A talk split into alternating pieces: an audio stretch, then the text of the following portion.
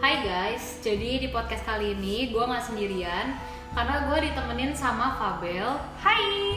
Fabel ini um, banyak banget yang pengen gue ngomongin dan gue harap ceritanya juga bisa menginspire kalian semua. Amin. Karena gue mau ngomongin soal perjalanan dia nyanyi dari awal dari kecil sampai sekarang juga struggles dia dulu pas dia alamin dalam nyanyi-nyanyinya dia lah gitu.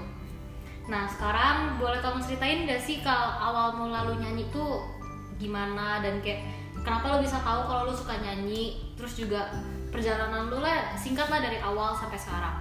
Uh, jadi tuh emang mama gua tuh penyanyi ya bisa dibilang dia penyanyi lah. Dia suka nyanyi dan suaranya emang bagus bagus banget. Sampai sekarang juga dia masih bikin cover cover buat di post di Instagramnya. Buat teman-teman gue yang follow pasti tahu kalau mama gue tuh mama eksis dan Fabel pun juga sering kali ada di instanya ya ya namanya Instagram mama-mama ya.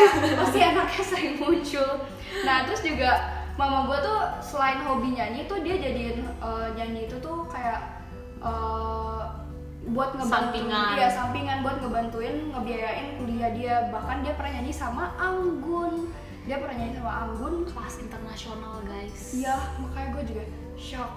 Nah, dia tuh dengan dia nyanyi-nyanyi itu dia berhasil buat ngebantuin orang tua itu ngebiaya eh, ngebantu ngeringanin biaya kuliah dia. Dan gue tuh dulu tuh orangnya pemalu banget, bener-bener pemalu banget. Jadi ya gue dilesin nyanyi sama mama gue, dilesin nyanyi dan diikutin lomba-lomba juga. Nah, diikutin lomba-lomba buat apa? Buat ngeboost confidence gue dan ternyata setelah gue ngelewatin proses itu ya ternyata gue suka dan gue jadi itu sebagai hobi gue terus em, dalam sepanjang lo nyanyi itu tuh pernah gak sih ada satu momen di mana lo ngerasain capek banget dan kayak pengorbanan segala macamnya tuh worth it gak sih untuk bisa lo berkembang dan lain-lain gitu? Kayak yang tadi gue bilang kan gue ikut lomba-lomba ya. Kalau buat ngembangin hobi gue itu banget sih. Bener-bener improve gue banget. Soalnya emang kan dikelilingin sama penyanyi-penyanyi lain lah ya. Iya. dan namanya juga lomba pasti banyak yang bagus. Jadi itu juga ngebantu memotivasi gue untuk selalu PR buat lu juga Iya, ya. PR buat gue kalau eh, ternyata yang juara satu kayak gini oh berarti gue tuh harus latihan lebih lagi. Supaya lo bisa lain kali kayak gini iya gitu. kayak gitu. Nah tapi eh, negatifnya juga lomba-lomba itu tuh ada yang sampai malam ada yang tempatnya jauh. Dan juga gimana ya eh, jadinya tuh bawaannya tuh capek bawaannya jadi lama jadi beban. Apalagi dulu kan gue masih kecil gue gak bisa make decisions for myself jadi gue mau gak mau tuh harus nurutin apa orang tua apa yang orang tua gue mau Terus dulu tuh lu kan sempat ngikutin beberapa kontes dan lain-lain.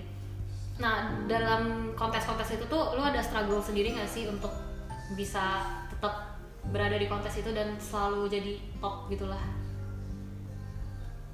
Kayak ya dalam dalam lu industri yang dulu lu pernah alamin. oh eh, TV Bell guys, jadi Aduh. Fabel itu pernah, jadi Fabel tuh pernah ikut kayak apa sih girl band gitu, girl band buat um, disclaimer gue gak mau ikut tapi didaftarin mama gue jadi mau gak mau gue harus ikut.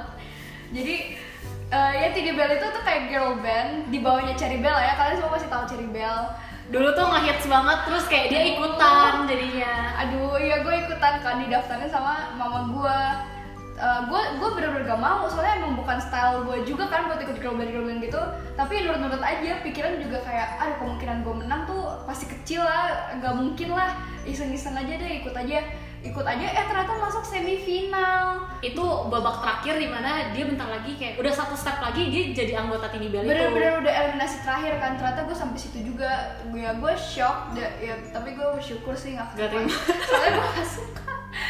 Terus? Ya, nah terus uh, uh, proses buat sampai semifinal itu tuh juga susah banget sih menurut gue berat banget soalnya Pretty hurts ya buat anak umur 12 iya, tahun. buat anak umur 12 tahun itu situasinya itu gue lagi kelas 6 SD dan mendekati UN. Nah, eh, jadi selama proses itu tuh gue harus pulang lebih cepat eh, buat ikut latihannya Karantina. itu, ikut karantina latihan itu. Nah, latihan itu gak cuma latihan vokal, gak cuma latihan nari, tapi ada workout session. Nah, workout session itu tuh bayangin untuk anak umur 12 tahun, 12 tahun jujur aja gue masih masih ngembang banget sih itu. Kayak nggak mikir Kita soal cuma kita cuma tahu makan, cuma Iya. tahu diet, tapi nggak pernah mikirin workout gak sih? Gue bahkan dia tuh pun juga kayak ah gue gak mau makan deh gue gendut Iya, gitu doang gitu gak mikir gak Nah, mikir gimana. Udah gitu workout sessionnya itu tuh diselingin sama diet yang gak healthy. Soalnya ada standar di industri itu tuh yang harus kita penuhi waktu itu kayak emang lu beneran gak boleh makan carbs atau apa Iya, sih? eh, sebenarnya emang dari kayak dari eh, Sononya. sononya minta gue kurusan. Emang iya dia bilang gitu. Ya dia bilang kayak lu harus turun sekian kilo. Wah gila banget, gue gak tahu sih. Nah itu tuh buat anak 12 tahun gak ngerti apa apa sih ikut-ikut aja ya. Ikut-ikut Padahal dulu tuh Fabel masih kurus banget, bener-bener kayak kalau lu lihat fotonya dulu, Fabel tuh kurus banget, bahkan lebih kurus daripada gua dulu.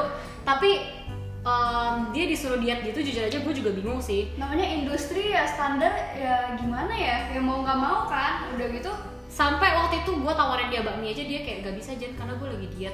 Kayak gue 12 cinta coy gue cinta bakmi dan gue tolak bakmi karena gue harus diet karbo karena Iya. buat nurunin berat badan nah udah kayak gitu kan harus balance lah ya antara antara eh, ikut eh, lomba itu sama pelajaran gue soalnya to be honest gue tuh anak Ambis. ambis. Gue anak ambis gue pentingin pelajaran banget. Dan itu tuh dekat-dekat UN ya situ, eh, apa waktu Situasinya. ya, situasinya itu tuh gue lagi dekat-dekat UN dan jadinya gue harus imbangin antara belajar buat ujian nasional sama Tini ya, bel itu. tini bel itu. Dan itu tuh jadinya bawaannya berat banget bawaannya beban banget. Karena kayak buat umur 12 tahun tuh gue merasa itu stres banget. Gue kayak aduh ini Gue gimana tahu sih Gua- dulu sampai yang lu nangis dan lain-lain. Iya, kayak gue ngerti sih itu. Gue beban bener-bener itu menurut gue tuh jadi beban banget. Dan sampai poin itu tuh gue kayak sampai kelas 6 SD itu tuh gue nggak pernah yang namanya kayak nyanyi for myself. Jadiin eh, buat dijadiin hobi buat dijadiin kayak emang ah Seneng eh, aja nyanyi gitu. pengen nyanyi aja nih bikin pengen bikin cover iseng-iseng. Itu gue nggak pernah. Jadi kayak nyanyi itu gue anggap kayak sebagai job. iya emang harus gue lakuin. Terus em, itu kan ngomongin SD nih. Dari SMP ke SMA, lu tuh ada ngerasa gak sih kayak perbedaan fasilitas yang mendukung lu sehingga lu bisa mengembang, Banget, mengembang banget, lagi, banget. mengembang bukan mengembang badan ya. Jadi gendut.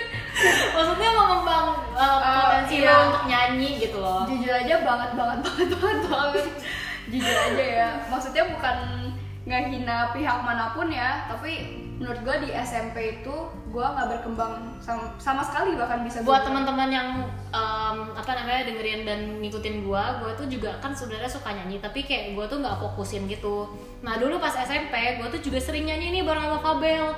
Tapi Eh, kalian kan perlu dulu, tahu dulu kan. kita merah fatal ya. iya dulu tuh kita seband bareng pas pas masih kecil lah lupa kapan itu lah SMP. kita tuh sering nyanyi bareng gitu loh nah bayangin seorang Fabel levelnya tuh disamain sama gue yang gue tuh juga sebenarnya bukan penyanyi. Gue tuh gak bisa humble banget humble gue tuh nggak bisa nyanyi gitu loh. Jadi kayak ya itu ada perkembangan jauh lah ya dari situ. Iya, kalau menurut gue sih emang SMP tuh gak gak berkembang sama sekali sih lah ya bisa dibilang. Soalnya eh, pertama kalau menurut gue fasilitas sih menurut gue sama aja ya. Maksudnya sama-sama ada alat musik alat musik.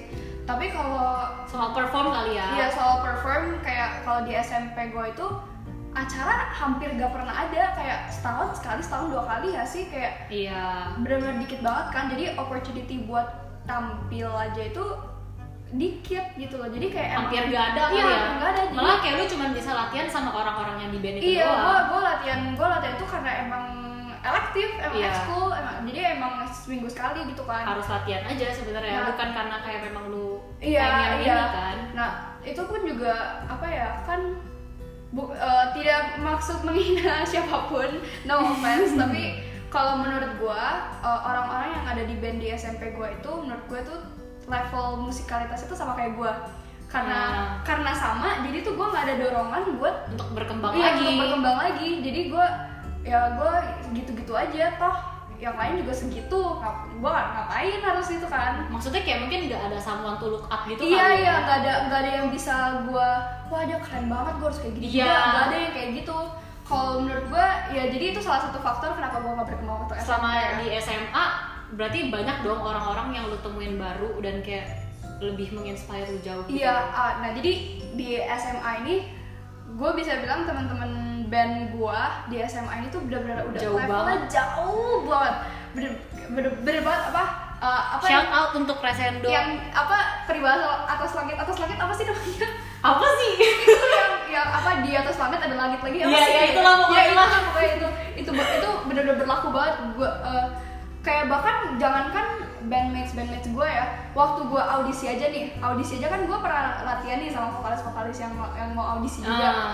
Gue latihan sama mereka itu gue merasa minder gue Karena kayak ya ampun kayak dikelilingi dengan orang-orang ini audisi yang keterima paling cuma satu atau dua apa daya gue lah gue bisa tapi dari situ lu bisa belajar dong maksudnya kayak Iya. pas lu di lingkungan yang SMP lingkungan lu segitu segitu aja dan Iya. lu kayak oh gua gua masuk oke nih di sini Iya. tapi di lingkungan baru lu kayak udah orang baru Gua lagi kayak- udah kayak Oke, di atas langit masih ada langit lagi. Iya. Gak boleh sombong. Itu benar-benar salah satu pelajaran yang gue dapet sih pokoknya.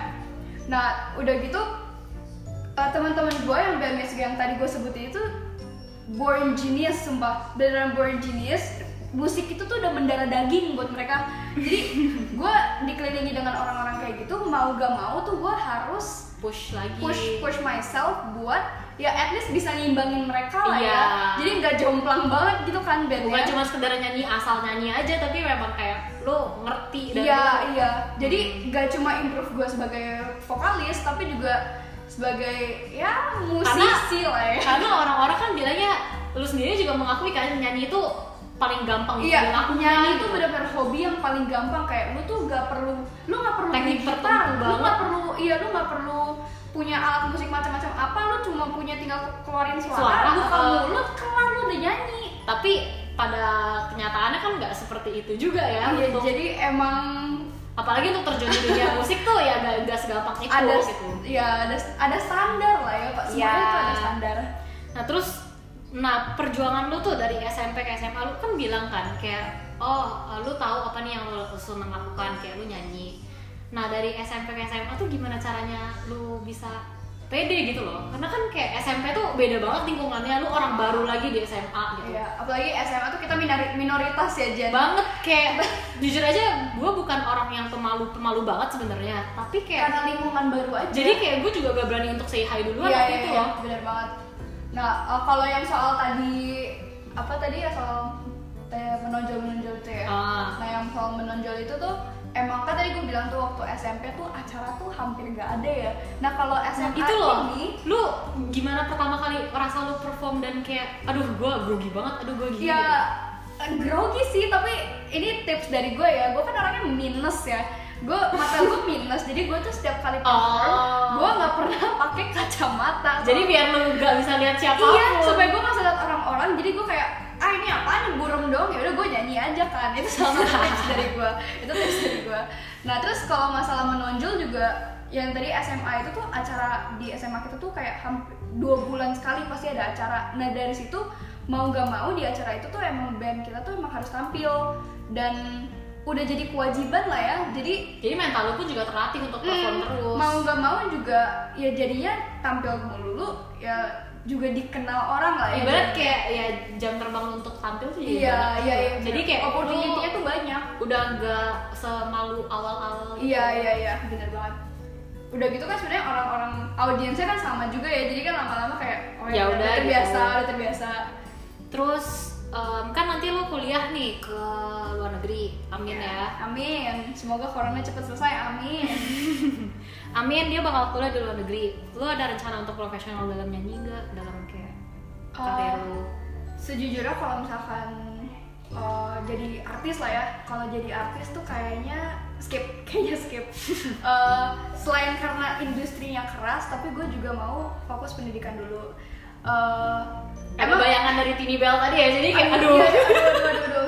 sulit sulit sulit Uh, emang apa ya kalau menurut gue kan gue mau fokus pendidikan dulu Uh, terus juga nyanyi menurut gue tuh bisa jadi ya side hustle lah ya anggapannya kayak gue tuh Terus bisa- gak usah serius, tapi kayak lu pengen tetap aja jalan tetap aja. iya tetap jalanin kayak misalkan gue bisa bikin YouTube ya bikin YouTube terus mungkin buat kan kuliah di luar negeri kan mahal lah ya. Gue bisa Sampingan, buat sampingan. ya seenggaknya uang jajan Iya nyanyi di kafe atau apa itu. Kalau itu sih gue emang rencana mau kayak gitu. Tapi kalau misalkan untuk dijadiin kayak karir jadiin main source of income gue tuh kayaknya enggak juga tapi itu mungkin karena belum ada opportunity yang muncul ke gue AKA Tracing tolong ya, kalau Tracing. misalkan ditawarin 88 Rising kan gue juga gak bisa nolak ya sebenarnya ya. Terus em, siapa sih yang inspire lu untuk melakukan ini semua gitu? Kayak nyanyi baik dalam eksternal maupun internal dorongan dari diri sendiri atau ada orang tua yang meng ini kalau inspiration sih jelas mama gue lah ya. Mama gue kan ya dia yang pertama men- menjerumuskan gue ke dalam dunia musik juga terus juga kalau gue dengar cerita dia kayak bisa biayain kuliah dengan nyanyi doang tuh kayak tertantang juga ya. gue juga mau kali gue ya itu salah satu inspirasi gue nah terus kalau misalkan kayak dorongan dorongan pasti eksternal banyak banget lah ya. Apalagi teman-teman kita ya Jen. Teman-teman kita tuh orangnya produktif as hell produktif banget. Sangat. Kadang-kadang tuh nah itu dia tuh. Lu ada nggak sih ngerasa mereka tuh pressure-nya at, uh, in the good side gitu nggak sih? Iya kayak memang bukan yang- bukan yang bikin kita ngerasa kayak ya ampun kita cukup banget gak bisa ngapa-ngapain. Tapi lebih ke Aduh, gua harus ngapain iya, gitu. mereka bisa gue gue bisa ngapain ya? Jadi kayak men- uh, terdorong buat berkarya juga bukannya malah jadi kayak uh, membenci diri kayak aduh gue bisa apa sih? Gue nggak bisa ngapa-ngapain. Tapi sempet terlintas gak di pikiran lu kayak aduh gue nggak mau nih kayak gini gue nggak mau gue nggak boleh gak produktif gitu loh. Kayak gue harus selalu Iya. produktif dan teman-teman gue tuh pokoknya kayak gue nggak boleh gue nggak boleh kalah sibuk lah sama teman-teman gue iya. gitu. Gue sering gitu apalagi kayak maksudnya teman-teman gue itu kan aktif sosial media juga ya. Jadi Iya, kalau mereka gua ngapain pasti uh, kita bisa lihat. Nah dari situ tuh kayak jadi mikir kayak aduh gue masa gue rebahan? Gue iya. nonton Netflix doang gue tidur doang kok mereka kerja? Kok mereka bisa dapet duit? Kok mereka bisa berkarya? Nah dari situ tuh juga selalu ngedorong gue salah satu jadi uh, jadi salah satu motivasi gue buat kayak oke gue harus ngapain Iya harus ngapain. Hari ini gue mau ngapain ya? Hari ini gue bisa ngasilin apa? Ya walaupun nggak berupa Gak uang. iya tapi at least lu ada something Iya, yang lu bisa iya, belajar iya. terus lah Iya, gitu iya, loh Iya, iya bener banget. dan sekarang-sekarang ini tuh selama karantina kan sosial media yang tadi lu bilang kan Hmm. semuanya tuh post di sosial media segala macam nah ada juga kan beberapa hal yang lu tuh gak post di sosial media nah kesibukan lu tuh apa mungkin kayak selain cover cover atau apa gitu Uh, kalau buat sekarang sih gue ada ya anggap aja collaboration lah ya. Gue buat sekarang nih buat di detik ini tuh gue ada tiga. Jadi kalau dua itu cover biasa sama teman-teman gue. Uh, kalau yang satu lagi tuh gue lagi mencoba, bukan mencoba sih, udah OTW sih. Lagi, lagi bikin, lagi bikin lagu. Nah lagunya ini tuh uh, Diambil? diambil dari poem yang temen gue buat. Jadi dia yang uh, li- uh, poem dia itu gue jadiin lirik dan lagunya gue Iya. buat. Dan semoga akhir bulan jadi amin. Amin. Akhir bulan jadi ya semoga kalian semua suka. terus em, kalau misalkan nih seandainya lu tiba-tiba stuck gitu kayak pernah gak sih lu ngerasa stuck gitu? Aduh gua gua udah gua udah cover lagu gua udah ini itu ini itu udah kehabisan ide gitu loh kayak. Pernah sih ya.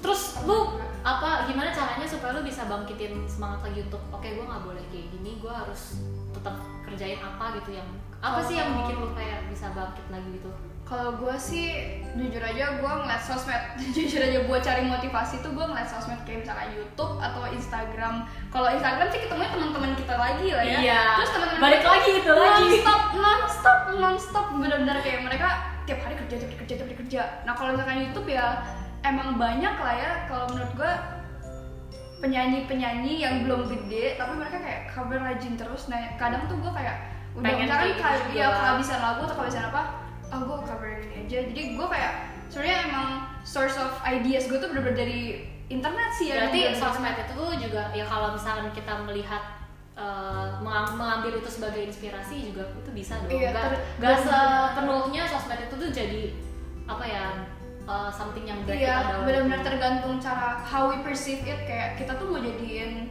motivasi atau mau jadiin Malah kan kadang-kadang tuh ada loh perasaan di mana kayak aduh orang-orang tuh sibuk banget segala macam aduh gue bisa apa? Aduh memang gue itu awal-awal sih. Awal-awal ya, ngerasa awal-awal kita gak sih? kayak gitu kan. Awal-awal merasa kayak ya ampun gue bisa apa? Tapi lama-lama kayak pas kita ngejalanin jadinya enak enak juga aja. enjoy aja gitu. Emang mulai emang semua itu mulainya doang yang susah ya nggak sih? Tapi ya sebagai creator juga pasti lu pernah lah kayak yang lagi merencanakan planningnya Iya. itu stres juga lah pasti. Kayak ini gue bikin lagu aja tuh gue nyari idenya itu susah banget. Bener-bener gue kayak iya. gue kayak sempet hampir mau nyerah kayak aduh udahlah gitu. wah kayak gue gak bisa deh. Gue kayak udah mau sempet kirim di line gitu. Tapi kayak gak gak gak gak. Gue harus ulang gue harus ulang iya iya iya ngerti sih. Terus em, Oke, ini udah udah udah lumayan lama kita ngobrol ya. maaf maaf. Jadi em, kan kalau misalkan lu tuh tipenya bukan yang apa ya? Ya selalu oh ya udah gua gua aja gua kayak lihat Iya. lihat gimana ke depannya. gue gitu. nggak bisa ngerencanain hidup gue kayak misalkan gue nggak punya plan 5 tahun ke depan 10 tahun ke depan 15 tahun ke depan itu gue nggak punya Nah, jadi pertanyaan terakhir ini gua udah tahu tipe dia kayak gitu dan kebetulan banget gua pengen tahu tiga hal konkret apa yang ingin lu capai dalam jangka waktu 5 sampai 10 tahun lagi. woi jelas jelas gue gue punya ya Ya makanya mungkin ini saatnya untuk lu mikir Oke, gitu oke, loh. Kayak entah kalau gue lo ya, mungkin dalam 5 sampai 10 tahun lagi ke depan tuh em, lu udah bisa kerja, lu udah lulus dan kayak lu pengen mendapatkan lu pengen nabung seberapa sih atau kayak lu bisa invest atau apa gitu. 5 Nah. tahun 10 5 sampai 10 tahun lah ya. Berarti umur berapa? 28 lah ya kira-kira. 28 28 berarti udah nikah belum ya kira-kira ya mungkin itu bisa jadi salah satunya kayak oh, Mungkin- mungkin nikah. Eh, Tiga nih, tiga nih. tiga ya konkret ya harus konkret ya Iya. kalau Udah kayak PKN ya, harus konkret. buka M if you're listening Eh, pokoknya ada satu dari yang dari dulu banget gue mau tuh yang pasti ngebanggain orang tua kan tapi konkretnya itu tuh gue selalu bilang gue pengen ngebeliin orang tua gue jet pribadi. Bener-bener jet pribadi. Wow, gue baru tau loh ini. Entah kenapa jet pribadi gitu. gue tuh kadang kayak suka bercanda gitu. Ah katanya nanti kayak mami papi eh, kalau liburan pakai jet pribadi gitu kan. Tapi itu memang yang ini sih memang kayak semua anak pasti mikirnya menurut gitu. gue mau gue jujur gue akan berusaha. Mungkin jet pribadi nanti mungkin rumah dulu deh. Menurut gue 10 tahun gue itu Ya, salah amin, satu amin gue ya. gue mau beliin rumah buat orang tua gue Kedua, itu satu kedua apa ya gue cuma tahu satu sih doang loh dua lagi apa ya kayak ya ini cuma harapan sih kayak lu bakal kerja di mana mungkin atau Oh, kayak lu iya, iya. akan gimana gitu. Eh, kan eh, Amin eh, nanti gue mau jadi eh, data scientist. Data scientist tuh ya gue nggak mau panjang lebar. Pokoknya dia tuh dia kerjanya kayak di big companies gitu kayak Google atau apa gitu. Nah company yang gue mau jujur Google. semoga gue Apa dapat kerja di Google. Google? Itu dua. Gue semoga gue bisa dapat kerja di Google atau enggak ya yang sejenis lah ya kayak Google, Facebook atau apa gitu. Pokoknya sejenis itu. Gue berharap banget gue bisa kerja di situ soalnya emang ya TBH income-nya gede. Gede banget income-nya ya. gede. Nah, siapa tahu dari situ gue bisa beliin emak bapak gue jet pribadi. Untuk untuk ini kan Iya. yang pertama. Iya, yang pertama. Kalau yang ketiga Terakhir, terakhir. hal konkret Nih gue ajak lu mikir deh, ayo nih 5 Apa sampai ya? 10 tahun. nggak sampai 10 tahun. Eh, tapi ini dari Nggak harus- nggak harus ngasih loh. mulu loh. Gak harus ngasih loh, mungkin kayak dari dalam diri lu sendiri, oh gue pengen bisa achieve ini, gue Oh. pengen bisa ini gitu. Tiga tahun, eh lima, sepuluh tahun lagi. Apa, Apa ya? Kalau misalkan dari dari gua deh, dari gua tuh sekitar 5 sampai 10 tahun lagi, amin gua udah dapet penghasilan sendiri, gua udah bisa nabung dengan diri gue sendiri. Gua bisa perlahan nyicil untuk ini apa namanya bikin panti asuhan gitu. Hmm, oh iya, jadi eh, gua tuh emang dari dulu kayak dulu tuh kadang gua utah tuh suka di panti asuhan, dirayain di Hmm. panti asuhan. Emang orang tua gua tuh demen memberi gitu loh. Emang gua dari awal tuh selalu diajarin Diajarin. Kayak ini nih gue jalan lafak kayak gini, kita lagi ngerencanain nanti profitnya itu kan mau dikasih ke panti Donate. asuhan, iya donate ke Hmm. panti asuhan. Nah jadi salah satu goal in my life yang ini gue selalu tulis di esai-esai aplikasi universitas gue, gue tuh mau banget ngebantu orang. Nah gue tuh bukan soal uang aja ya, goal gue tuh emang mengembangkan Indonesia jujur aja. Gue tuh mau Hmm. banget ngeliat Indonesia tuh Maju lah. maju gue mau banget kayak jadi gue berharap 5 sampai 10 tahun itu gue belum tahu sih konkretnya gimana tapi gue mau banget ngembangin Indonesia majuin Indonesia entah lah ya. iya, mengharumkan tapi gak cuma mengharumkan gue juga pengen kayak memajukan pendidikannya memajukan fasilitas ya pokoknya apa pun yang bisa Fabel menteri Kepe- menteri pendidikan guys. Enggak menteri, enggak menteri. Uh, pokoknya tuh gue apa pun di, uh, apa pun yang bisa gue lakuin untuk mengembangkan Indonesia karena jujur gue cinta banget negara ini walaupun Buset. negara ini kacau. walaupun walaupun gak gitu gimana tapi gue cinta. Tapi banget justru dari generasi sekarang sekarang ini, kalau misalnya ada pemikiran kayak gitu bagus loh bisa. Iya, Nanti makanya kan ke depannya yang ngurusin juga kita kita. Kayak makanya kadang tuh ada beberapa temen gue kan yang kadang mereka bilang ah gue kalau udah keluar gue gak bakal balik Indo. Karena kayak damage lah Indo udah kayak sedangkan gue tuh justru gue mau keluar karena gue pengen balik ke Indo karena gue pengen bantu Mengembangkan lagi, mengembangkan gitu. lagi. nah itu sih. Gue cinta Indonesia banget jadi semoga 5 sampai 10 tahun kemudian yang akan datang gue bisa achieve salah satu yang tadi gue bilang itu. Amin deh ya. Amin. Oke thank you Fabel. Thank you, Sudah Janice. ngomongin banyak hal dari awal sampai akhir. Um, ya segitu aja dari kita. Bye bye guys. Thank you. Bye. Thank you